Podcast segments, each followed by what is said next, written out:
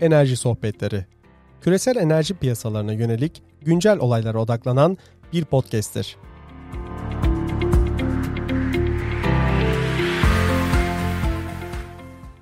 Merhaba ben Barış Sanlı 21 Aralık 2020 tarihinde Çin konuşmak üzere alanında belki de en uzman isimlerden biri olan doçent doktor Ceren Ergenç ile birlikteyiz.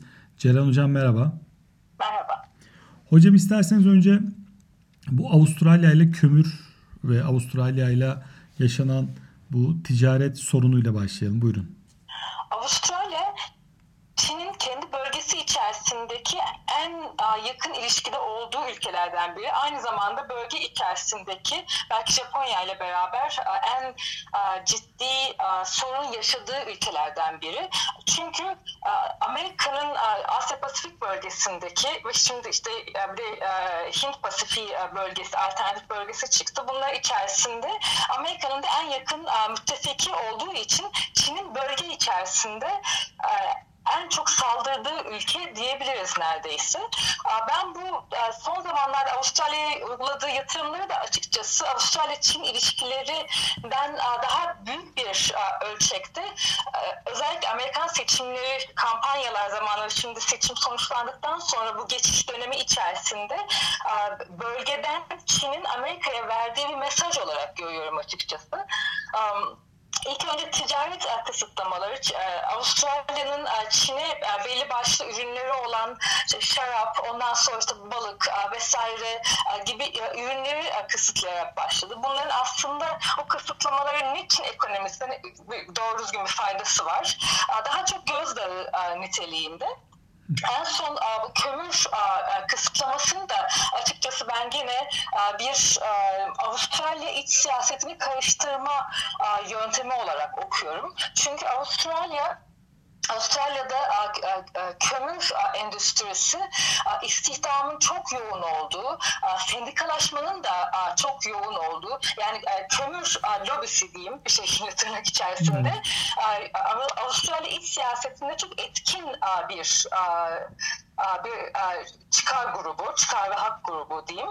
Ve Avustralya'nın iklim e, gündemine dair e, uzun soluklu bir politikası yok henüz. Yani kömürü nasıl azaltarak başka enerjilere geçeceklerini ya da e, bu, bu, e, bu alandaki yoğun istihdamı ne yapacaklarına kömür santrallerini kapattıktan sonra istihdama ne olacağına dair ciddi bir planı yok ülkenin. E, ve Çin gene Avustralya'nın en önemli kömür sattığı ülkelerden biriydi. Bu ticaretin kesilmesi da bir anda iç siyaseti karıştırdı aslında Avustralya'da bir anlamda. Çin'in bu hamlesini de bununla bağlantılı olarak görüyorum. Tabii Çin'de bu Avustralya ile kömür ticaretinin kesilmesinin hemen arkasından bir elektrik sıkıntısı meydana geldi. Özellikle endüstrinin yoğun olduğu birkaç eyalette fabrikaların kapanmasına varacak oranda elektrik sıkıntısı yaşanınca bunun aslında Çin'in kendi ayağı, kendini kendi ayağından vurduğu gibi yorumlandı. Ama benim anladığım kadarıyla sayılara bakınca sadece Avustralya'dan gelmeyen kömür yüzünden olmuyor bu. Çin'in kendi a, kömür a, a, üretimi ve kullanımı ile ilgili yapısal sorunları var.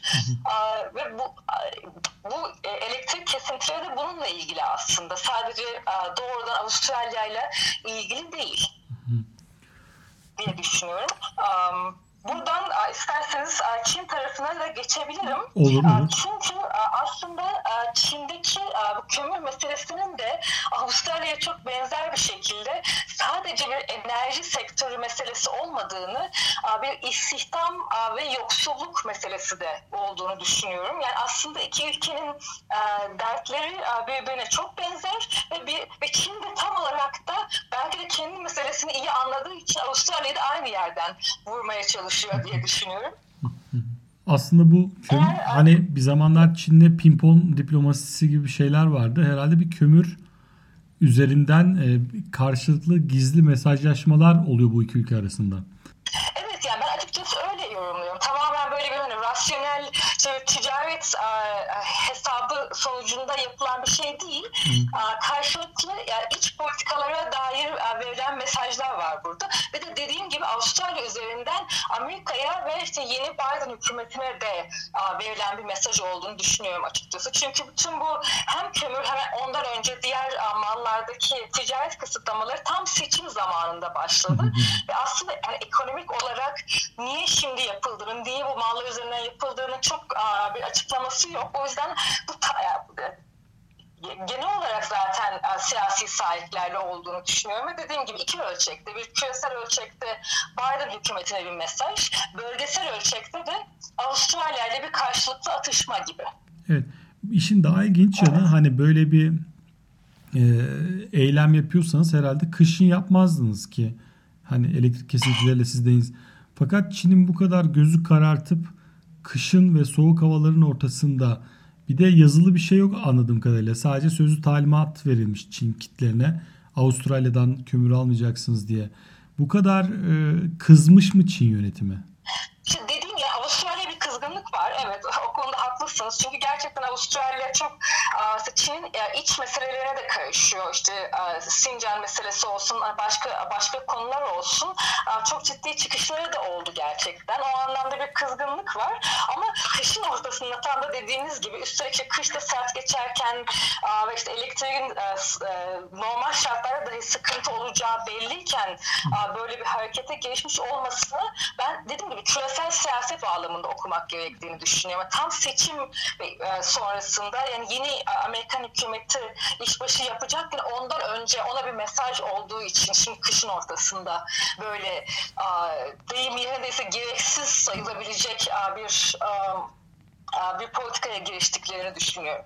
Hocam bizi öğrenci arkadaşlar da dinliyor. Bayağı da genç öğrenci arkadaşlar. Çin'in Avustralya'ya, e, Çin'in ABD yönetimine, yine ABD yönetimine Avustralya üzerinden vermek istediği mesaj ne peki? Burada daha geniş bir bölgeselleşme kavgası var diyeyim. Hı hı. İki büyük iki büyük güç arasında. Birazcık geriye gidecek olursak ta Soğuk Savaş zamanlarından Asya Pasifik Soğuk Savaş'ın da çok önemli cephelerinden bir tanesiydi.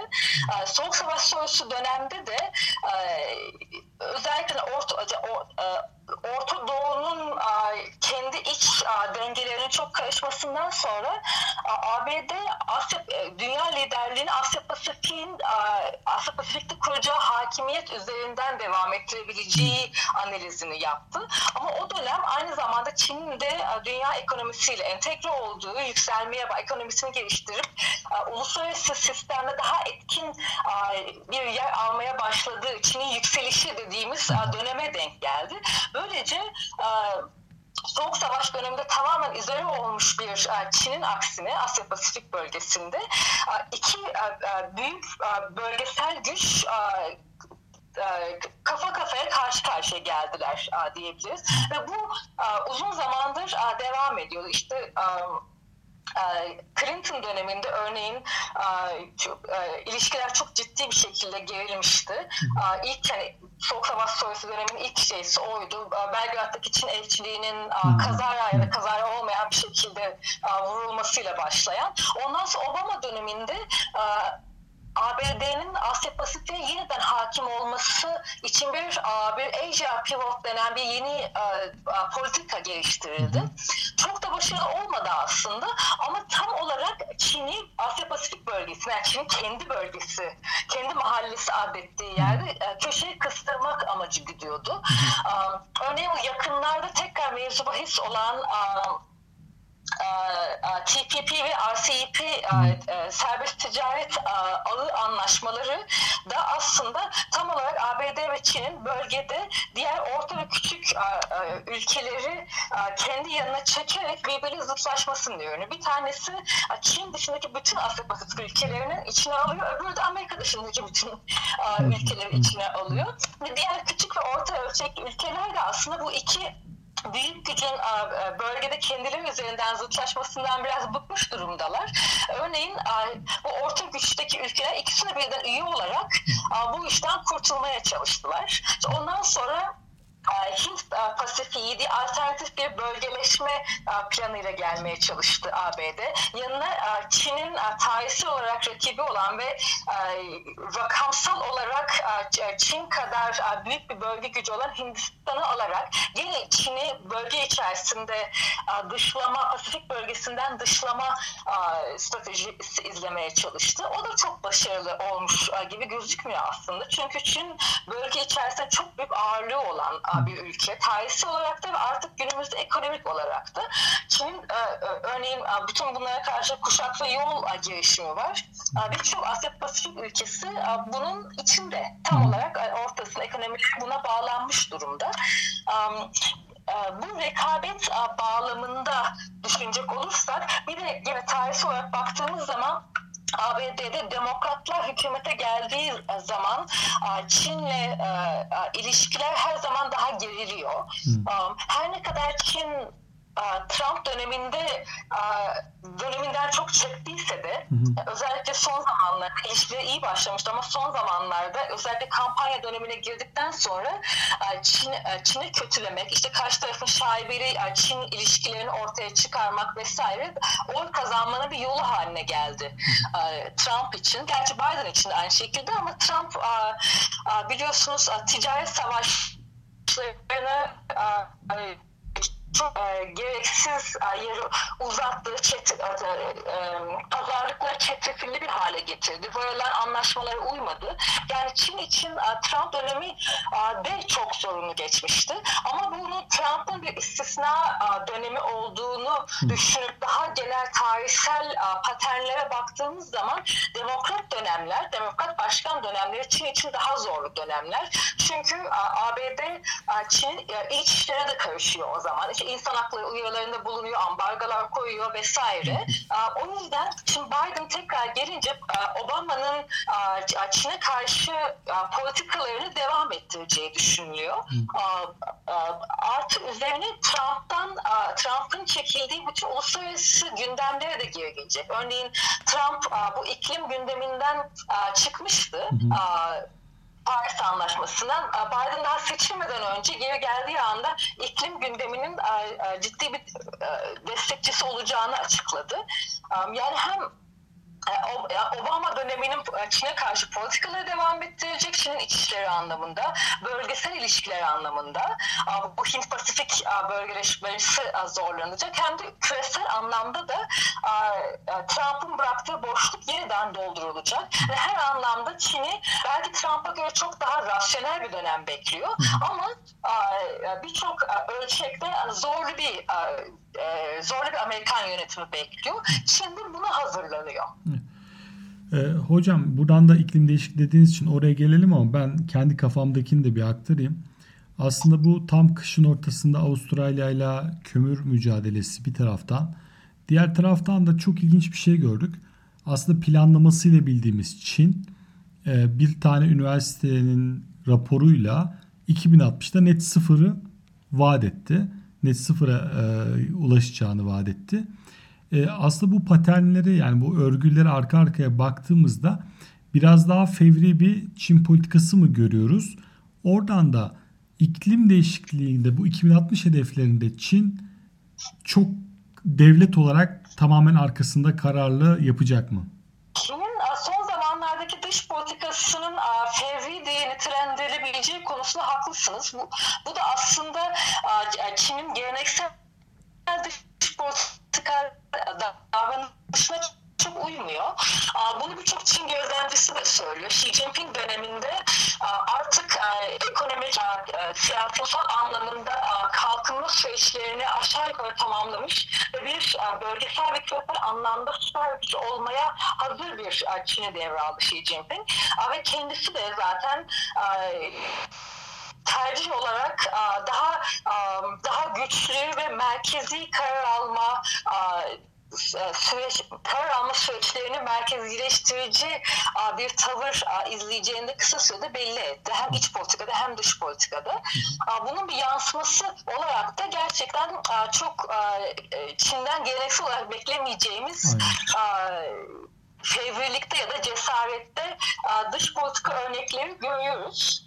Bu Çin'in Eylül'de Birleşmiş Milletler'de verdiği 2066 2060 yılında karbon nötr bir ülke olma sözü de bu beklenmedik açıklamalardan biriydi gerçekten.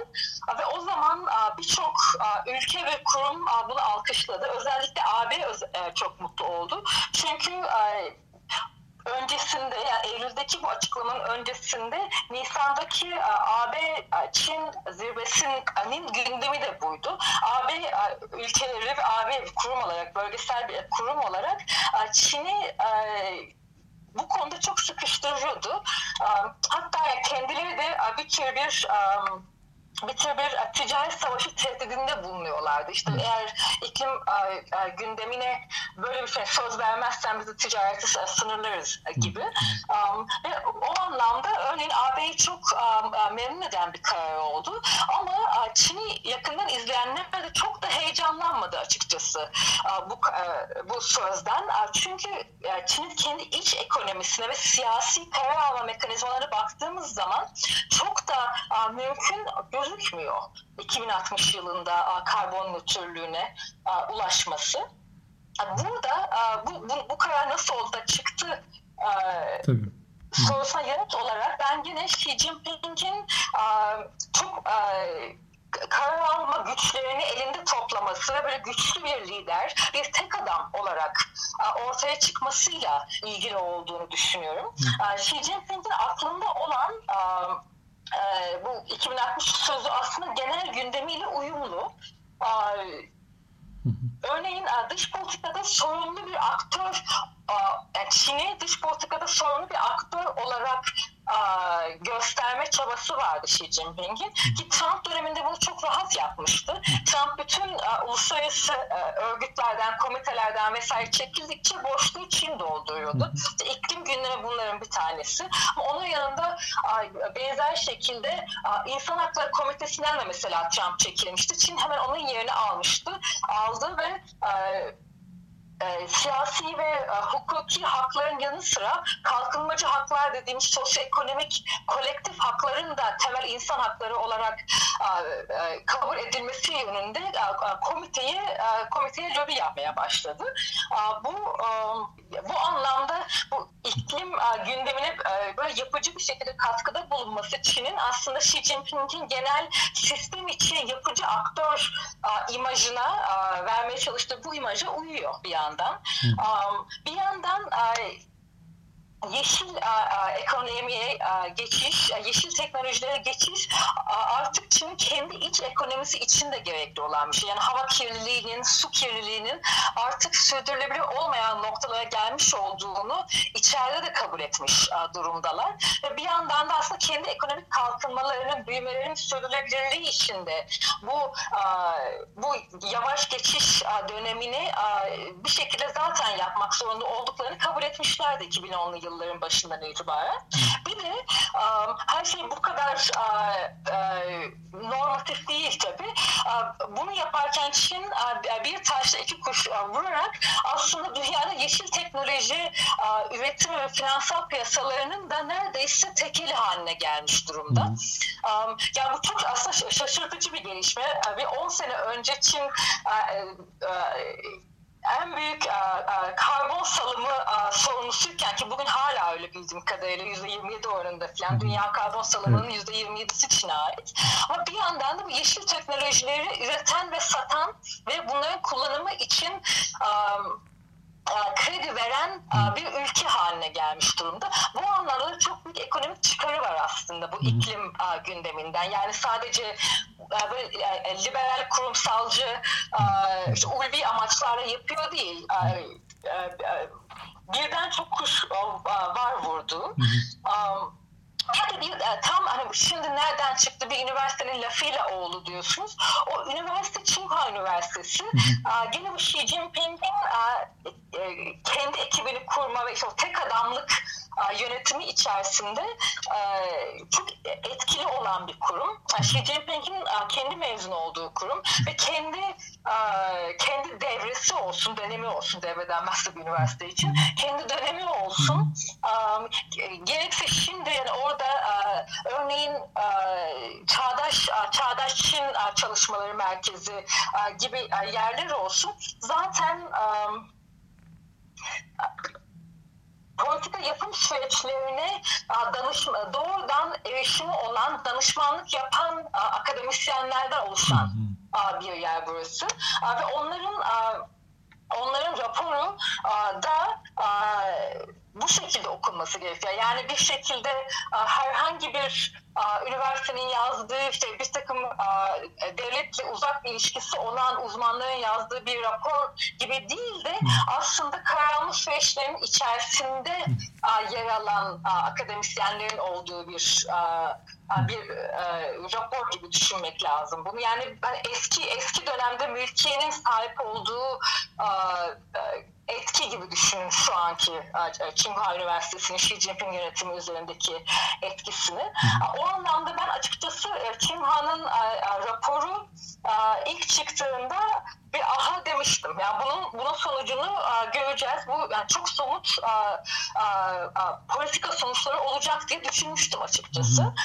Bugün de gördüğüm kadarıyla gene Tsinghua Üniversitesi'nin çok a, iddialı ama bir yandan da ayrıntılı bir planı var. Hı. Yani bu 2060 yılına kadar Çin'in nasıl karbon nötrlüğünü sağlayabileceğini, pratik olarak nasıl sağlanabileceği Hı. sorusuna verdikleri yanıt şöyle.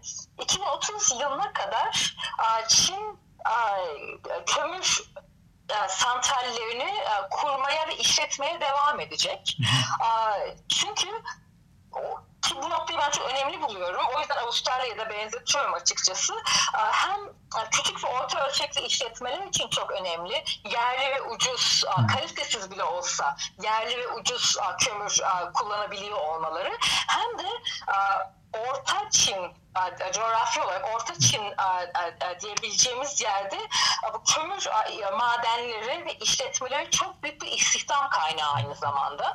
Bu anlamda Avustralya ile benzeşiyorlar. Yani bunların bir anda kapatılıp kapatılması hem kobiler için mümkün değil hem oralarda çalışanlar için mümkün değil. Daha önce böyle çok büyük işten çıkarmalar yaptığı dönemde 90'ların ortasında Çin çok büyük bir toplumsal huzursuzluk yaşanmıştı. Aynı tür bir toplumsal hukuksuzluğu e, kaldırabilecek bir e, e, pozisyonda değil Çin. O yüzden 2030'a kadar devam etmesi, 2030'dan sonra da çat diye kapatmak yerine bir yandan yeşil teknolojiler işte rüzgar, vesaire açık denizlerdeki enerji santralleri gibi daha yeni daha inovatif enerjilere kayarken bir yandan bir yandan da kömür santrallerini işletmelerini kapatmayıp onların teknolojilerini modernize edip kömür sanayine mavi yakalıların değil beyaz yakalıların çalıştığı bir sektör haline getirmeye çalışmayı planlıyorlar 2030 sonrası için. Yani yavaş yavaş şu anki mavi yakalı 2030'a kadar güvenceli bir şekilde emekli ederek hı 2030 sonrası da kömür sanayini üniversite mezunlarının tercih ettiği uh, ve uh, niye tercih etti? Yer artık teknoloji sayesinde yer altına inilmek zorunda olmayan bir sanayi haline geleceği için Hı. tercih edeceği bir bir dönem olarak tahayyül ediyorlar 2030 sonrasını. Burada tabii 2030 sonrasında e, bu enerji sektöründeki teknolojik gelişmelerin de buna izin vereceği e, yönünde bir beklenti de var. Bu beklentinin ne kadar gerçekçi olduğunu tabii mühendisler daha iyi bilir. Ama e, ekonomik olarak baktığımızda yeşil teknolojiler Çin piyasaya hakim olduktan sonra bayağı epey ucuzladı da bir gerçek. Evet. Ama dediğim gibi yani mühendislik açısından ne kadar gerçekçi bir spekülasyon onu ben bilemiyorum tabii. Benim daha üzerine konuşabileceğim boyutu bu işin Buyurun. 2030'a kadar mavi yakalı kömür işçilerinin güvenceli bir şekilde emekli edilmesi ya da başka sektörlere kaydırılması meselesinin aslında çok da gerçekçi olmadığı yönünde. Çünkü Çin bir yandan, Xi Jinping hükümeti bir yandan um, bu kadar iddialı dış politika rollerine e, soyunurken ve ona, o bağlamda 2060 e, gibi iddialı sözler verirken bir yandan da aslında ama e, iç sosyoekonomik kalkınma anlamında zorlu günler yaşıyor. 2019 yılının son çeyreğini daha henüz pandemi krizi yaşanmamışken dahi 2019 yılının son çeyreğinde Çin reform döneminde yani Mao sonrası dönemde büyüme projeksiyonunun gerisinde kaldı. Hı. Çok a, a, a, korkunç bir tablo değil. Çünkü yılın toplamında a, a, yıl projeksiyonundan geri kalmadı. Sadece son çeyreğinde geri kaldı. Hı. Ama bu sarkıcı bir bilgi oldu. Çünkü Dan Xiaoping'den itibaren artık 40 küsur yıl içerisinde ilk defa böyle bir gerileme yaşandı Çin ekonomisinde. A, o yüzden çok büyük bir soğuk dış etkisiydi zaten.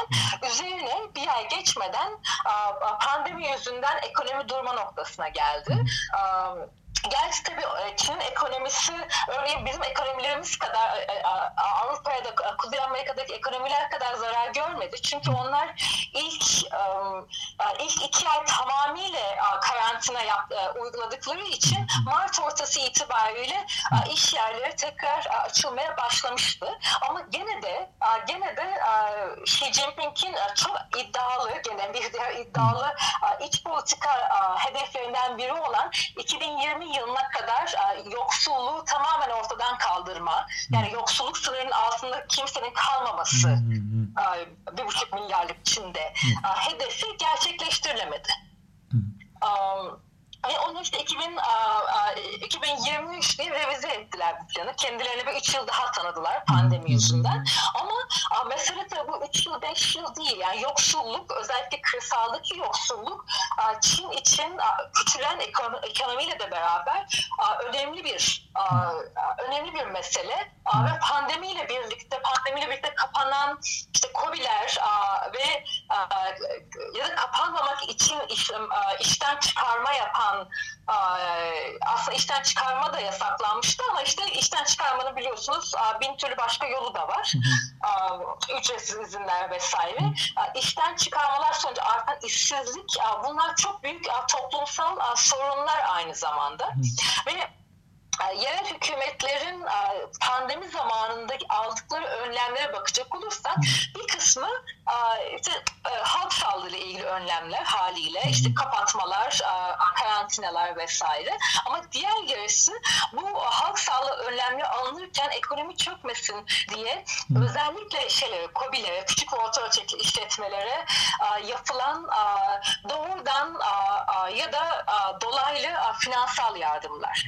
İflaslar olmasın, ayakta kalsınlar ki üretim devam etsin, artı işsizlik artmasın diye yapılan yardımlar. Yani aslında hani yerel hükümetlerin de e, en büyük e, derdi COBİ'lere ne olacak? Ki kömür sanayinde bir de kitler sorunu var. Birçok kömür sanayinde çalışan kamu iktisadi teşkilatı kitler Çin'in içerisinde aslında kar etmeyen zarar ettikçe yer bağlı oldukları yer hükümetler tarafından kurtarılan hmm.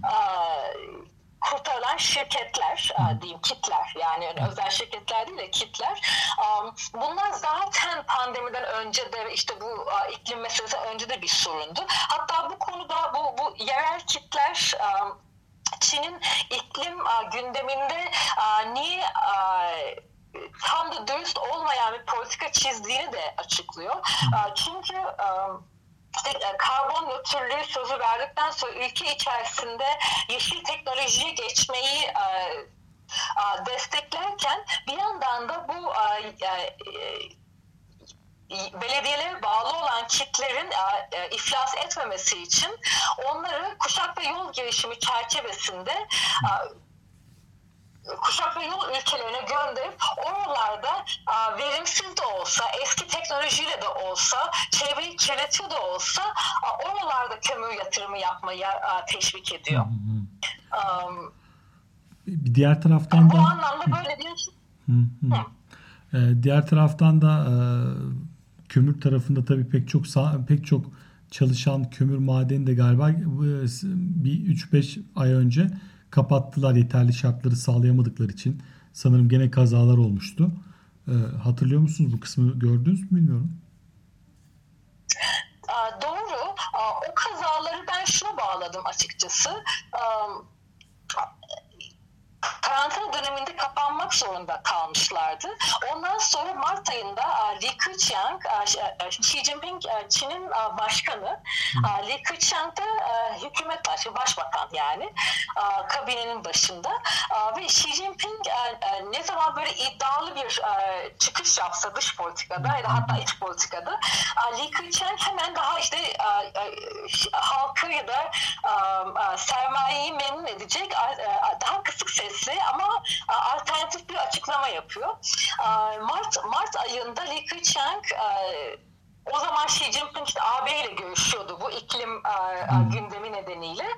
Li Keqiang iç politika şöyle iç kamuoyuna diyeyim şöyle bir açıklama yaptı. Çin yakın vadede kömür santrallerinden vazgeçmeyecek diye. Hmm. Bu hem işte kömür santrallerine bir olumlu mesajdı hem de onlardan gelen ucuz elektriği kullanmak isteyen COBİ'lere bir mesajdı. Gerçekten de Mart ayında yeni verilen kömür santrali nedeni artma belgeleri, hmm. izinleri belediyeler tarafından verilen bir önceki yılın aynı zamanının yaklaşık 3 katı kadar kadardı. Yani o dönem Çin çok çelişkili imaj şeyler, mesajlar veriyordu. Hem içeride hem dışarıda. Ondan sonra sizin dediğiniz kazalar bundan işte bir 20 yıl sonra oldu. 3-4 ay kadar sonra. O dönem işte istihdamı arttırmak ve COBİ'lere ucuz elektrik sağlamak için alelacele açılan kömür santrallerinde kazalar olmaya başladı. Ve işte ondan sonra tekrar iş güvenliği vesaire diye onlar onlar kapatıldı. Yani orada o gördüğümüz kazalar pandemi sürecinde yaşanan paniğin sonuçları bir anlamda. Diğer taraftan en çok... 90... Buyurun. Yok sadece şey diyecektim. 90'lı yıllarda da çok e, ekonomik kalkınmaya katkıda bulunsun diye hızlı açılan kömür santralleri de aynı şekilde çok büyük, çok ölümlü kazalara neden olup 2000'lerin başında tekrar kamulaştırılmıştı ve kapatılmıştı. Yani onun daha küçük ölçekli bir tekrarı olduğunu düşünüyorum bugün yaşanan. Hocam çok teşekkürler. Eklemek istediğiniz bir şey var mı? Yok sanırım. Dediğim gibi Çin'in bu 2060 karbon nötrlüğü sözü çok iddialı Hı. bir söz ve bir yandan buna dair somut planları var Hı. ama bir yandan da ülke gerçekleri var Hı. ve her ne kadar Xi Jinping tek adamlık yönetimini pekiştirmekteyse de gene de ülke içerisinde. Eyalet liderleri ya da kit yöneticileri gibi grupların da sözü hala çok geçiyor. O yüzden zaman içerisinde Çin'in çelişkili ya da yalpalayan bir siyaset izleyeceğini düşünebiliriz. Hocam çok teşekkürler. Evet ağzınıza sağlık. Çok güzel oldu. Çok teşekkür ediyoruz. İyi akşamlar hocam. Sağ olun. Teşekkürler. Sağ olun.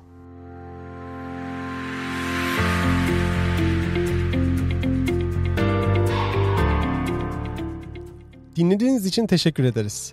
Enerji sohbetlerini Anchor, Spotify, Apple ve Google platformlarından takip edebilir, bizlerle iletişime geçebilirsiniz. Bir sonraki bölümde görüşmek dileğiyle. Hoşçakalın.